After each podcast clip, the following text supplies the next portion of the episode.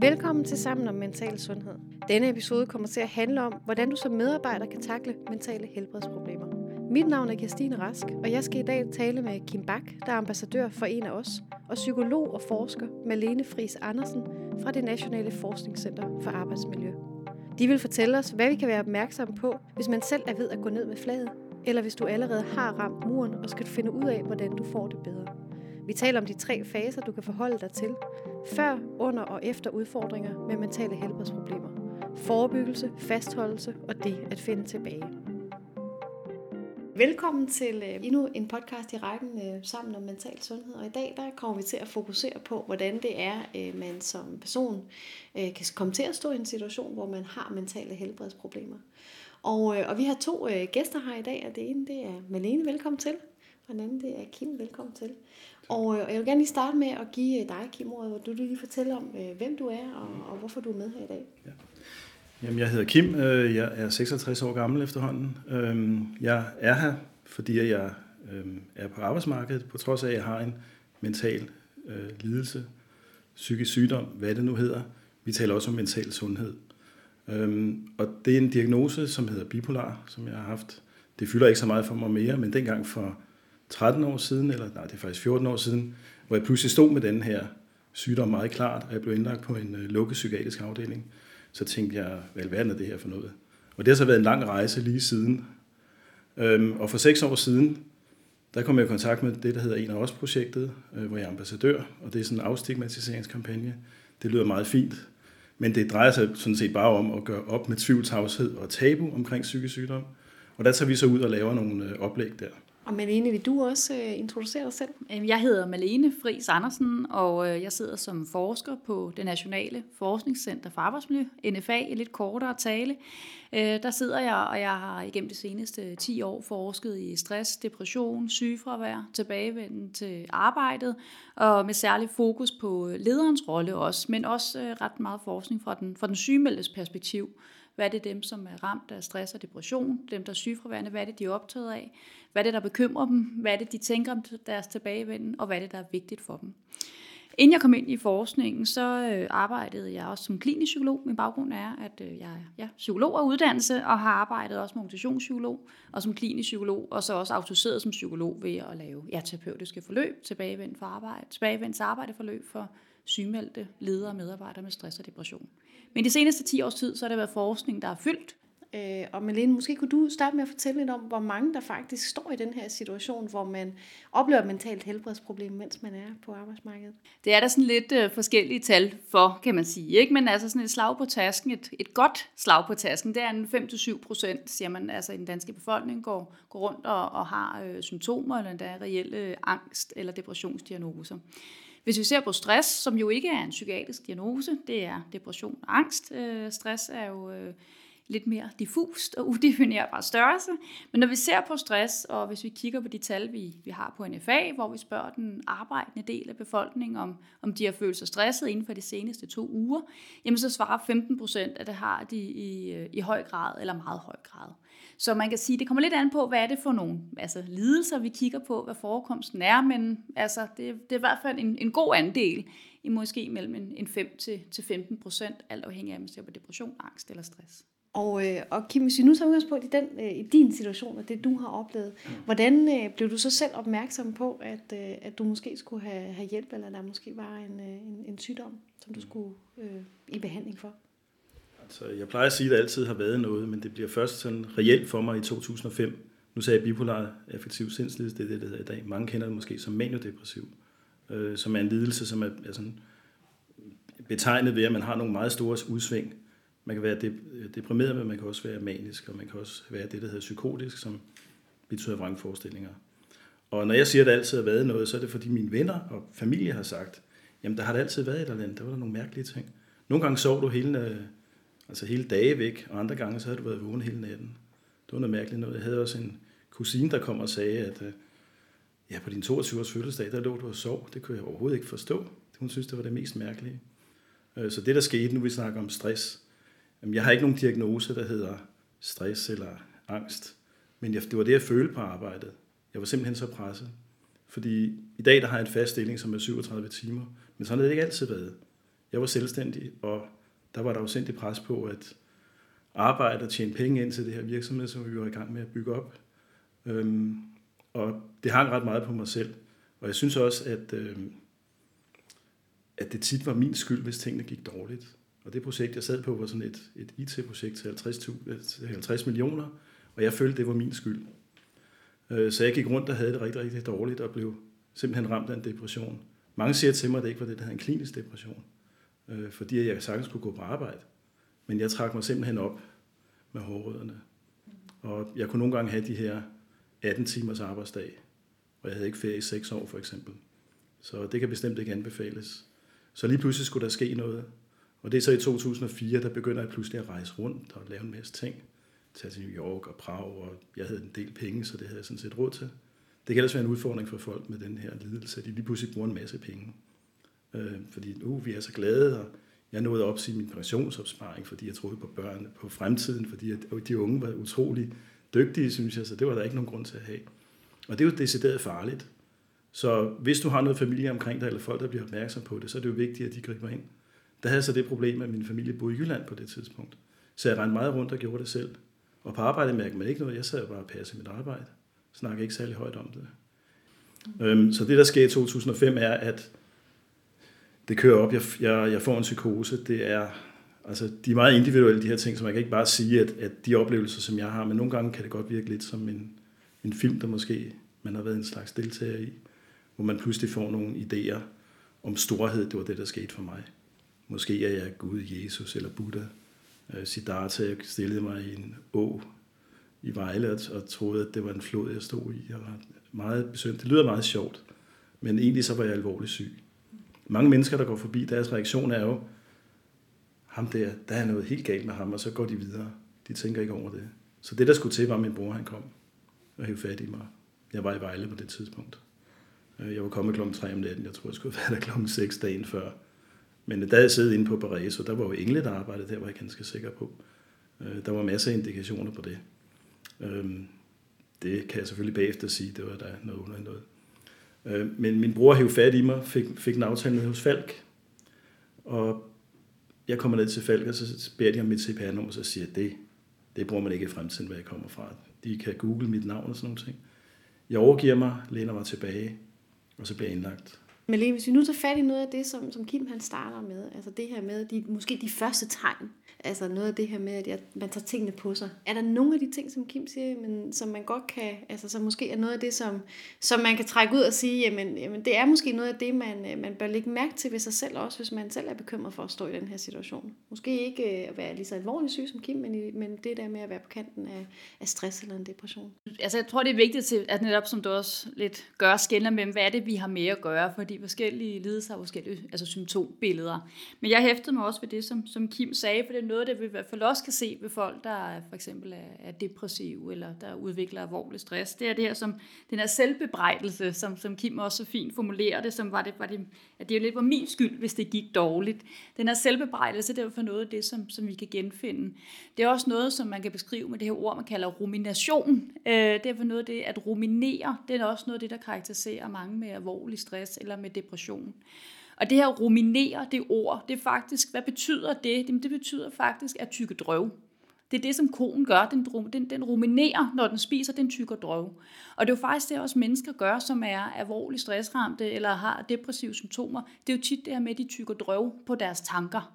De er svært ved at slippe dem. De er svært ved at, at lade tingene ligge. Det bliver selvbebrejdelser, som, som de ikke kan sige, øh, Nå, det tager jeg i morgen, eller det kan jeg handle på. Det bliver de her bekymringer, som især kan indfinde sig, når det er, man skal, skal til at sove, eksempelvis. Det er svært at falde i søvn, fordi man ligger og ruminerer, tykker drøv på sine tanker. Ej, det burde jeg også have gjort, og det skal jeg huske i morgen, og sagde jeg virkelig det, og det var upassende. Eller man har den, hvor man vågner pludselig op klokken 4 om morgenen med sådan en, Gud, nej, det havde jeg glemt. Og så kommer man i tanker om, og søvnen er forstyrret og ustabil, og man ligger klokken 4 om natten og tænker, åh oh, ja, det skal, det skal jeg godt nok huske. Og når men nu er jeg jo alligevel vågen, og jeg kan jo ikke falde i søvn igen så kan jeg jo lige så godt lige tænde computeren, eller lige sætte mig op og gøre. Så der er den her forstyrrelse af, af søvnen, som, som vi kan se, som er, som er en del af mange psykiske helbredsproblemer, og som blandt andet opstår på grund af bekymringstanker, som Kim så fint beskriver. Og hvis vi så tager fat i den, den anden del, altså for, for dit vedkommende, Kim, så endte det jo så med at være din bror. der for alvor øh, tog fat i dig, fordi du ikke selv... Øh, det er svært at være i det og selv være opmærksom på det. Og men egentlig, hvis, hvis, øh, når man så tager fat i forskningen igen, eller den viden, du har der, når man selv er i det, er det så typisk det der med, at man ikke lægger mærke til det, og hvad kan man så gøre? der er det selvfølgelig vigtigt, som, som Kim også så fint skældner mellem at sige, man har, altså har man en realitetsfornemmelse, eller har man ikke, hvor Kim fortæller om, at lidt at have mistet grebet om, om realiteten, så er det jo en ting, der kan være svært at erkende. Jeg oplever også, at der er mange stress- og depressionsramte, så er det måske ikke, altså det er ikke nødvendigvis realiteten, der er skrevet, men de har et enormt stort håb om, at, at det her går over lige om lidt. Altså, at de bliver ved med at udsætte det at bede om hjælp, eller tage imod hjælp, fordi man hele tiden håber det her, jamen jeg skal jo bare lige igennem det her. Jeg skal jo bare lige lukke den her deadline. Jeg skal bare lige igennem det her projekt. Jeg skal bare lige have afsluttet den her, og når jeg lige kommer i mål med, så, så får jeg det bedre. Så jeg, jeg skriver blandt andet noget af min forskning, at, at, at de, ikke længere, altså de ikke længere ser deres symptomer som relevante informationsbærere. Det lyder teknisk, men det, der menes med det, det er normalt, når det er, at vi har ondt i hovedet, når vi har ondt i maven, når vi har ondt i nakken, hvad det nu end kan være, at vi har nogle symptomer, så vil vi jo normalt forholde os til de her symptomer og tænke, hvad, hvor, hvorfor har jeg det sådan? Hvad er det her udtryk for? Var det noget, jeg spiste i går? Har jeg siddet forkert? Hvad skal jeg tage højde for? Hvad skal jeg gøre anderledes i morgen? Normalt bruger vi vores symptomer som informationsbærere det er der mange af dem her med stress og depression, der på en eller anden måde får klippet den her snor. Altså, at deres symptomer, det er bare noget, der er forstyrrende, det er irriterende, og de håber jo på, at det går over lige om lidt. Men det gør det ikke. Og det er derfor, og det er den viden, der er vigtig at have, for det er ikke nemt at få lov til at hjælpe. Hvad enten det er håbet, frygten eller realiteten, der er skrevet, det er svært at få lov til at hjælpe, og det er svært at bede om hjælp.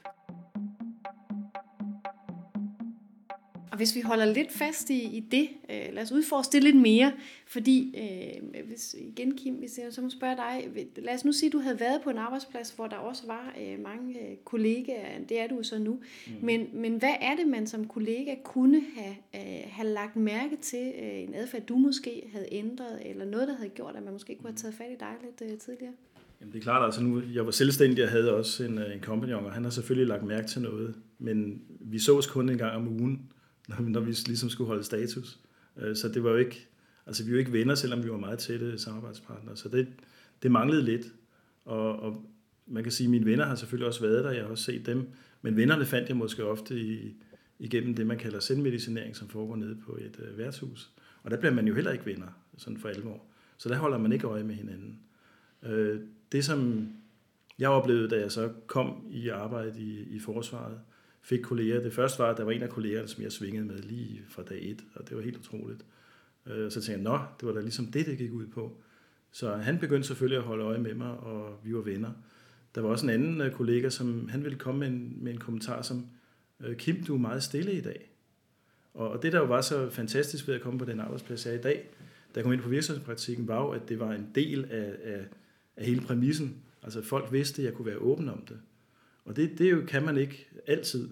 Øh, jeg har også været på en arbejdsplads, hvor man stillede spørgsmål omkring, øh, for det første, det var vi ikke interesseret i at høre om, lige så interesseret som at høre om kvinders underlivsproblemer, var der en, der sagde til mig.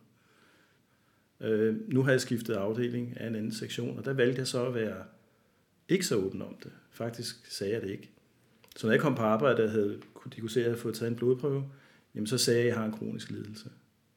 Hvis de spørger ind, så er det noget andet jeg valgte så at være åben igen ved at være med i en artikel i, i Metro Express, og en af mine kolleger, han sad og bladrede i den. Og så kiggede han på den, og så, så sagde han ikke mere. Men de fleste kom hen og sagde, det var dog fantastisk, at du tør være åben om det. En sagde, at jeg var den modigste mand i virksomheden, faktisk. Og, og men ved, ved man noget fra, fra forskningen, eller den viden, du har om, jamen, hvordan, hvordan får man spurgt ind på den gode måde? Hvordan, hvordan er man der øh, godt for hinanden på en arbejdsplads, øh, som, som Kim jo giver nogle eksempler på? Jeg tror, inden man sådan går i gang med de konkrete eksempler, som bestemt også kan være relevante, tænker jeg også, det, det er vigtigt at understrege, at det her er jo en kultur på arbejdspladsen, som, skal, som man skal altså virkelig prioritere. Så det ikke bliver de enkelte medarbejdere, der skal gøre det her, men det virkelig bliver en indarbejdet del af arbejdspladskulturen. For det her, det kan godt være sårbart at tale om. Når jeg kommer ud, så bliver det formuleret som, at det her det er en karrierebreaker. hvis det er, at man ligesom giver udtryk for, at man er stresset, at man er depressiv, altså, altså så kan du godt glemme at avancere. Du kan godt glemme, at det er dig, der får lønforhøjelse. Du kan måske også være i risiko for, at det er dig, der står for os næste gang, der er afskedelser. Så det, det er virkelig vigtigt, at man som arbejdsplads altså for alvor får indarbejdet det her som fuldstændig legitimt og ønskværdigt i kulturen. Så det er bare for at sige, at det er vigtigt, at vi ser på kultur og ikke kun på enkelte personer. Mm. Hvad, hvad kan man så gøre som enkelt person, når kulturen er etableret? Jamen, altså, det er jo selvfølgelig, at man har en, en, en en god føling med hinanden. At man ligesom øh, kan, som du så fint beskriver, at det er legitimt, at det er okay, at man ligesom giver udtryk for, hvad er det, jeg lægger mærke til? Hvad er det, jeg observerer?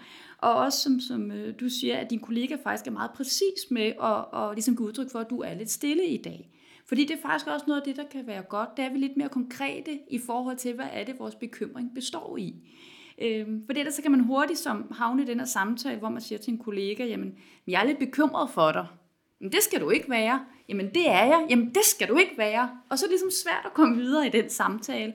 Så det er faktisk rigtig fint at være lidt konkret i det, som, som man har observeret. Jeg synes faktisk, du er lidt stille i dag, eller du virker meget utamodig eller opfarende ved det møde, eller det virker som om, du ikke rigtig får gået med til frokostpausen mere, eller at man faktisk er lidt konkret i forhold til, hvad er det egentlig, jeg har lagt mærke til.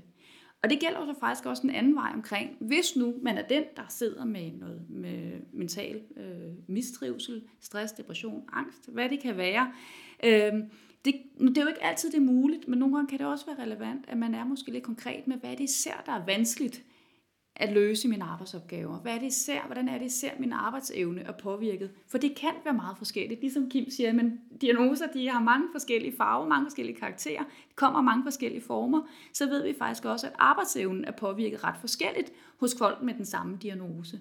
Så det er selvfølgelig også vigtigt, at man har den konkrete afklarende samtale, hvad det angår. Jeg kender det jo mest fra arbejdspladsperspektivet i forhold til, hvad er det, der kan være godt og givetigt at gøre på arbejdspladsen. Øhm, og der er det faktisk, kan man sige, igen, det er den der konkrete drøftelse, der er ret vigtig. Øh, der er nogle arbejds, arbejdsmedicinske klinikker, der har lavet sådan, synes jeg, et rigtig fint værktøj, hvor de øh, har sådan en, øh, en rød, gul, grøn inddeling af arbejdsopgaver, som jeg så synes er meget fornuftig.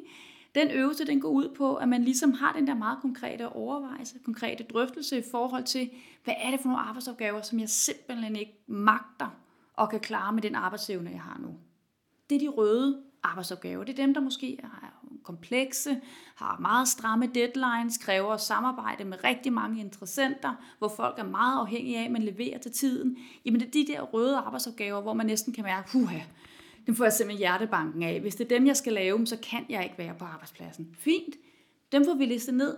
Dem får vi ligesom kan man sige, parkeret, til du får det bedre. De gule arbejdsopgaver, jamen det er der arbejdsopgaver, hvor ah, ikke helt endnu. De har stadigvæk en kompleksitet, de har stadigvæk en, en lidt for stram deadline, der er stadigvæk noget ved dem, som gør det, men jeg er ikke helt tryg ved nu. Måske er der for tung kontakt med for tunge borgere, hvad det kan være.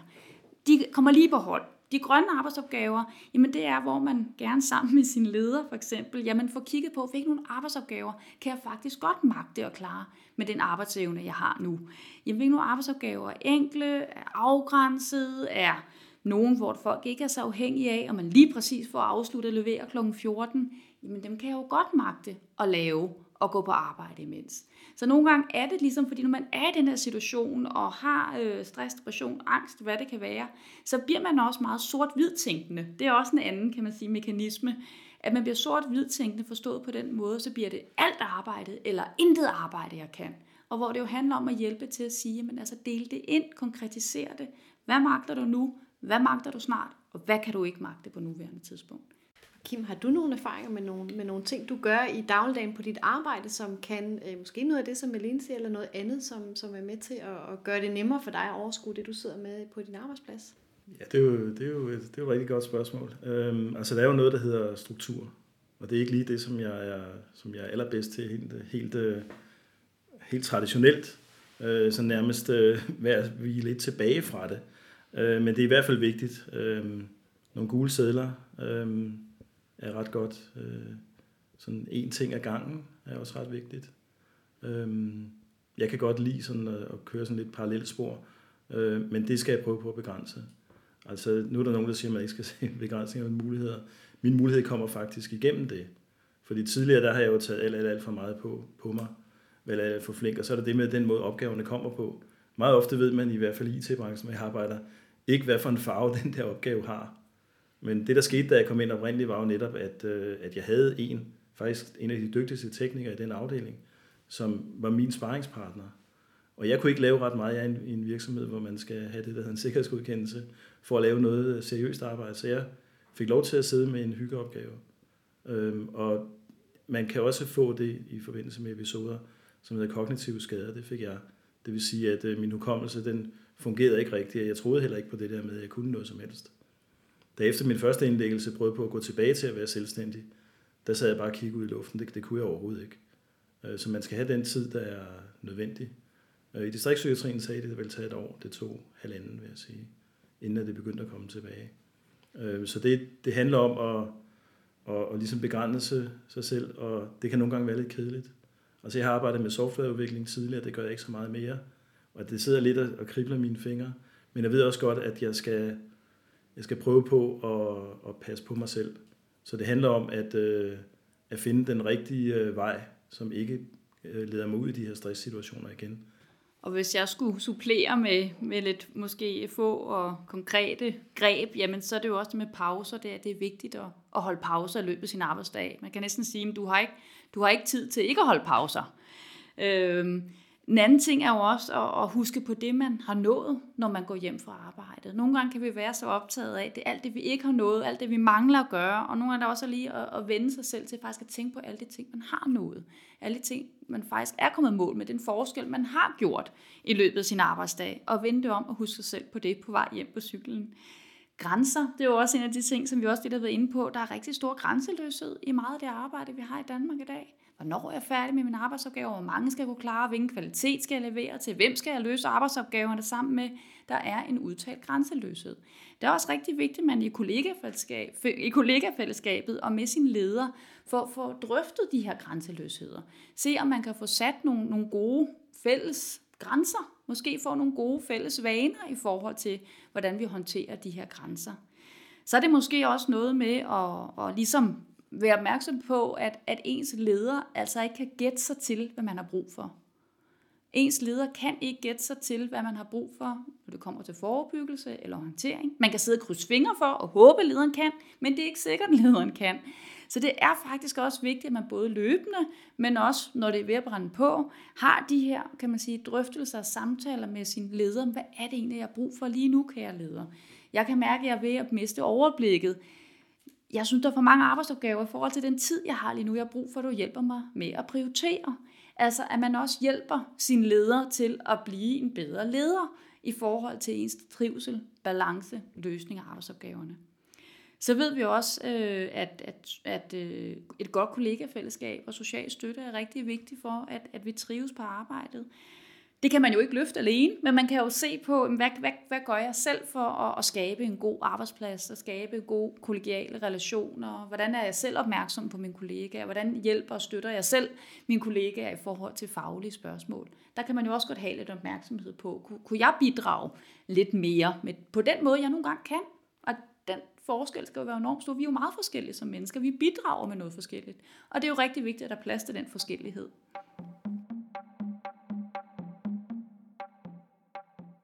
Men, men Malene, hvis vi nu holder fast i det her med, hvad man som arbejdsplads kan gøre for at, øh, at fastholde øh, medarbejdere, som, øh, som måske har perioder med sygemelding, eller som ikke har perioder med sygemelding, men som måske har et ekstra behov for, for en tæt dialog og opfølging.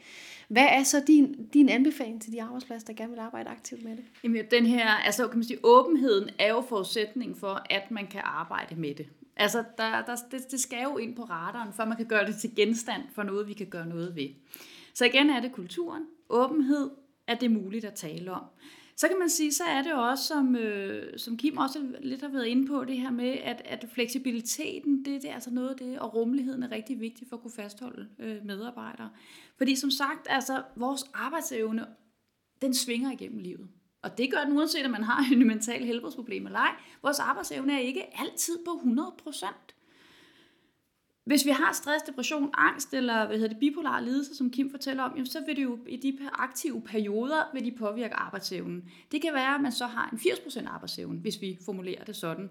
Jamen så er det jo rigtig vigtigt, at arbejdspladsen siger, jamen ved du hvad, så vil vi faktisk gerne i gåsøjne benytte os af de 80% så laver vi nogle arbejdstilpasninger, vi laver en reduktion i ansvar, i antal arbejdsopgaver, i arbejdstid, så du kan være på arbejdet med den arbejdsevne, du har. Med de 80% arbejdsevne, de 40% arbejdsevne, du har, at vi gerne vil tilpasse arbejdet derefter.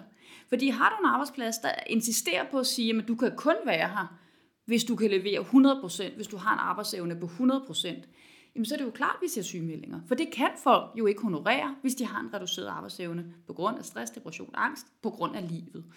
Øhm, så jeg tænker, det er rigtig vigtigt, at man faktisk, øh, altså, at man har, at man har tålmodighed, at man har respekt for, at 100% er ikke altid noget, vi kan levere, og andre perioder kan vi levere langt mere end 100%, som du også fortæller om, Kim. Så det handler om, at, at det her, den her fleksibilitet er til stede. At, at vi tør tro på, at tålmodigheden øh, betaler sig. At vi tør tro på, at det betaler sig at skynde så langsomt.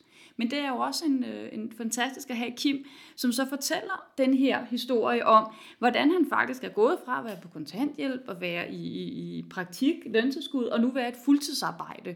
Det er jo en vanvittig vigtig rollemodel for arbejdspladser at kunne se og kunne spejle deres medarbejdere i. Man taler om noget, der kalder sådan, noget man kalder vikarierende self-efficacy. Self-efficacy er troen på sig selv, troen på, at noget kan lade sig gøre. Og at høre sådan en historie, som Kim fortæller om, det gør faktisk, at vi så også tror på, at min medarbejder, at det kan lade sig gøre for ham, eller hvis jeg er medarbejderen, at det kan lade sig gøre for mig. Så det er faktisk altså, utrolig vigtigt at have de her historier, de her rollemodeller, og kunne låne noget, noget håb og låne noget, noget retning. Hvis det er, man øh, har været sygemeldt, eller man skal tilbage til en ny arbejdsplads, så kan det vel godt være relevant, at man faktisk gøre sig nogle overvejelser over, og også få sagt til sin leder eller sin tillidsrepræsentant, hvem det kan være, hvordan kunne man godt tænke sig, at ens kollega tog imod en. For det kan faktisk godt bekymre mange, når de skal tilbage til arbejdet igen. Jamen, hvad, hvordan, vil, hvordan vil kollegaerne behandle mig, og vil de spørge mig, eller vil de ikke spørge mig? Og, men man faktisk får fortalt om det her. I stedet for at have det tavst, gør det til tale. Men kunne jeg godt tænke mig, at mine kollegaer, de skal sgu bare spørge mig. De skal bare fisken på disken, den type er jeg. De skal bare spørge, hvad er det, du har fejlet, hvordan har du haft det, hvilken hjælp har du fået. Og så kan det være, at jeg begynder at græde, og det er helt fint. Der er det godt med. De skal bare spørge. Fint, så er det jo vigtigt, at det bliver meldt ud, hvis det er sådan, man har det. For andre kan det faktisk godt være rigtig vanskeligt at komme tilbage med frygten for, at deres meget velmenende, meget omsorgsfulde kollegaer, når man kommer ind den første dag, alle sammen ligger hovedet på skrå og kigger på en og siger, jamen, hvordan har du haft det? Og man ved bare, at med det spørgsmål og med de øjne, så må man bryde grædende sammen. Og uagtet hvor velmenende det er, så kan man mærke, at det, det, det, det kan jeg ikke magte de første på 3-4 uger, når jeg kommer tilbage. Men så er det jo vigtigt, at det bliver sagt. Fordi så bliver kollegaerne også trygge med, jamen hvad, hvad, hvad kan jeg lige nu? Hvad kan jeg spørge om? Hvad er bedre at vente med? Hvordan kan jeg være til hjælp? Og den, der er sygemeldt og skal tilbage igen, jamen der er den afklaring tryghed i, at folk ved, hvordan man godt vil tages imod. Når det så er sagt, så er det jo også vigtigt, at man på et tidspunkt, at man så også slipper det at være den, der har været sygemeldt med stress, depression eller angst, hvad det kan være. At man også slipper det, og den historie på en eller anden måde får lov at være det, den har været, og man kan bevæge sig ind i fremtiden. For på nogle arbejdspladser, så kan det også være sådan, at det klæber til folk. At det næsten bliver sådan, sådan 5-6 år efter, at man siger, jamen Marianne er med på det her projekt, ikke? Når Marianne, Marianne var det hende, der var sygemeldt med stress? Ja, det var det at det ligesom bliver det, der bliver prædikatet, det der er det, man bærer med sig. Og der er det selvfølgelig også rigtig vigtigt, at man som arbejdsplads også slipper det her og siger, nå jamen, det var dengang, nu er vi nu, og vi er på vej ind i fremtiden.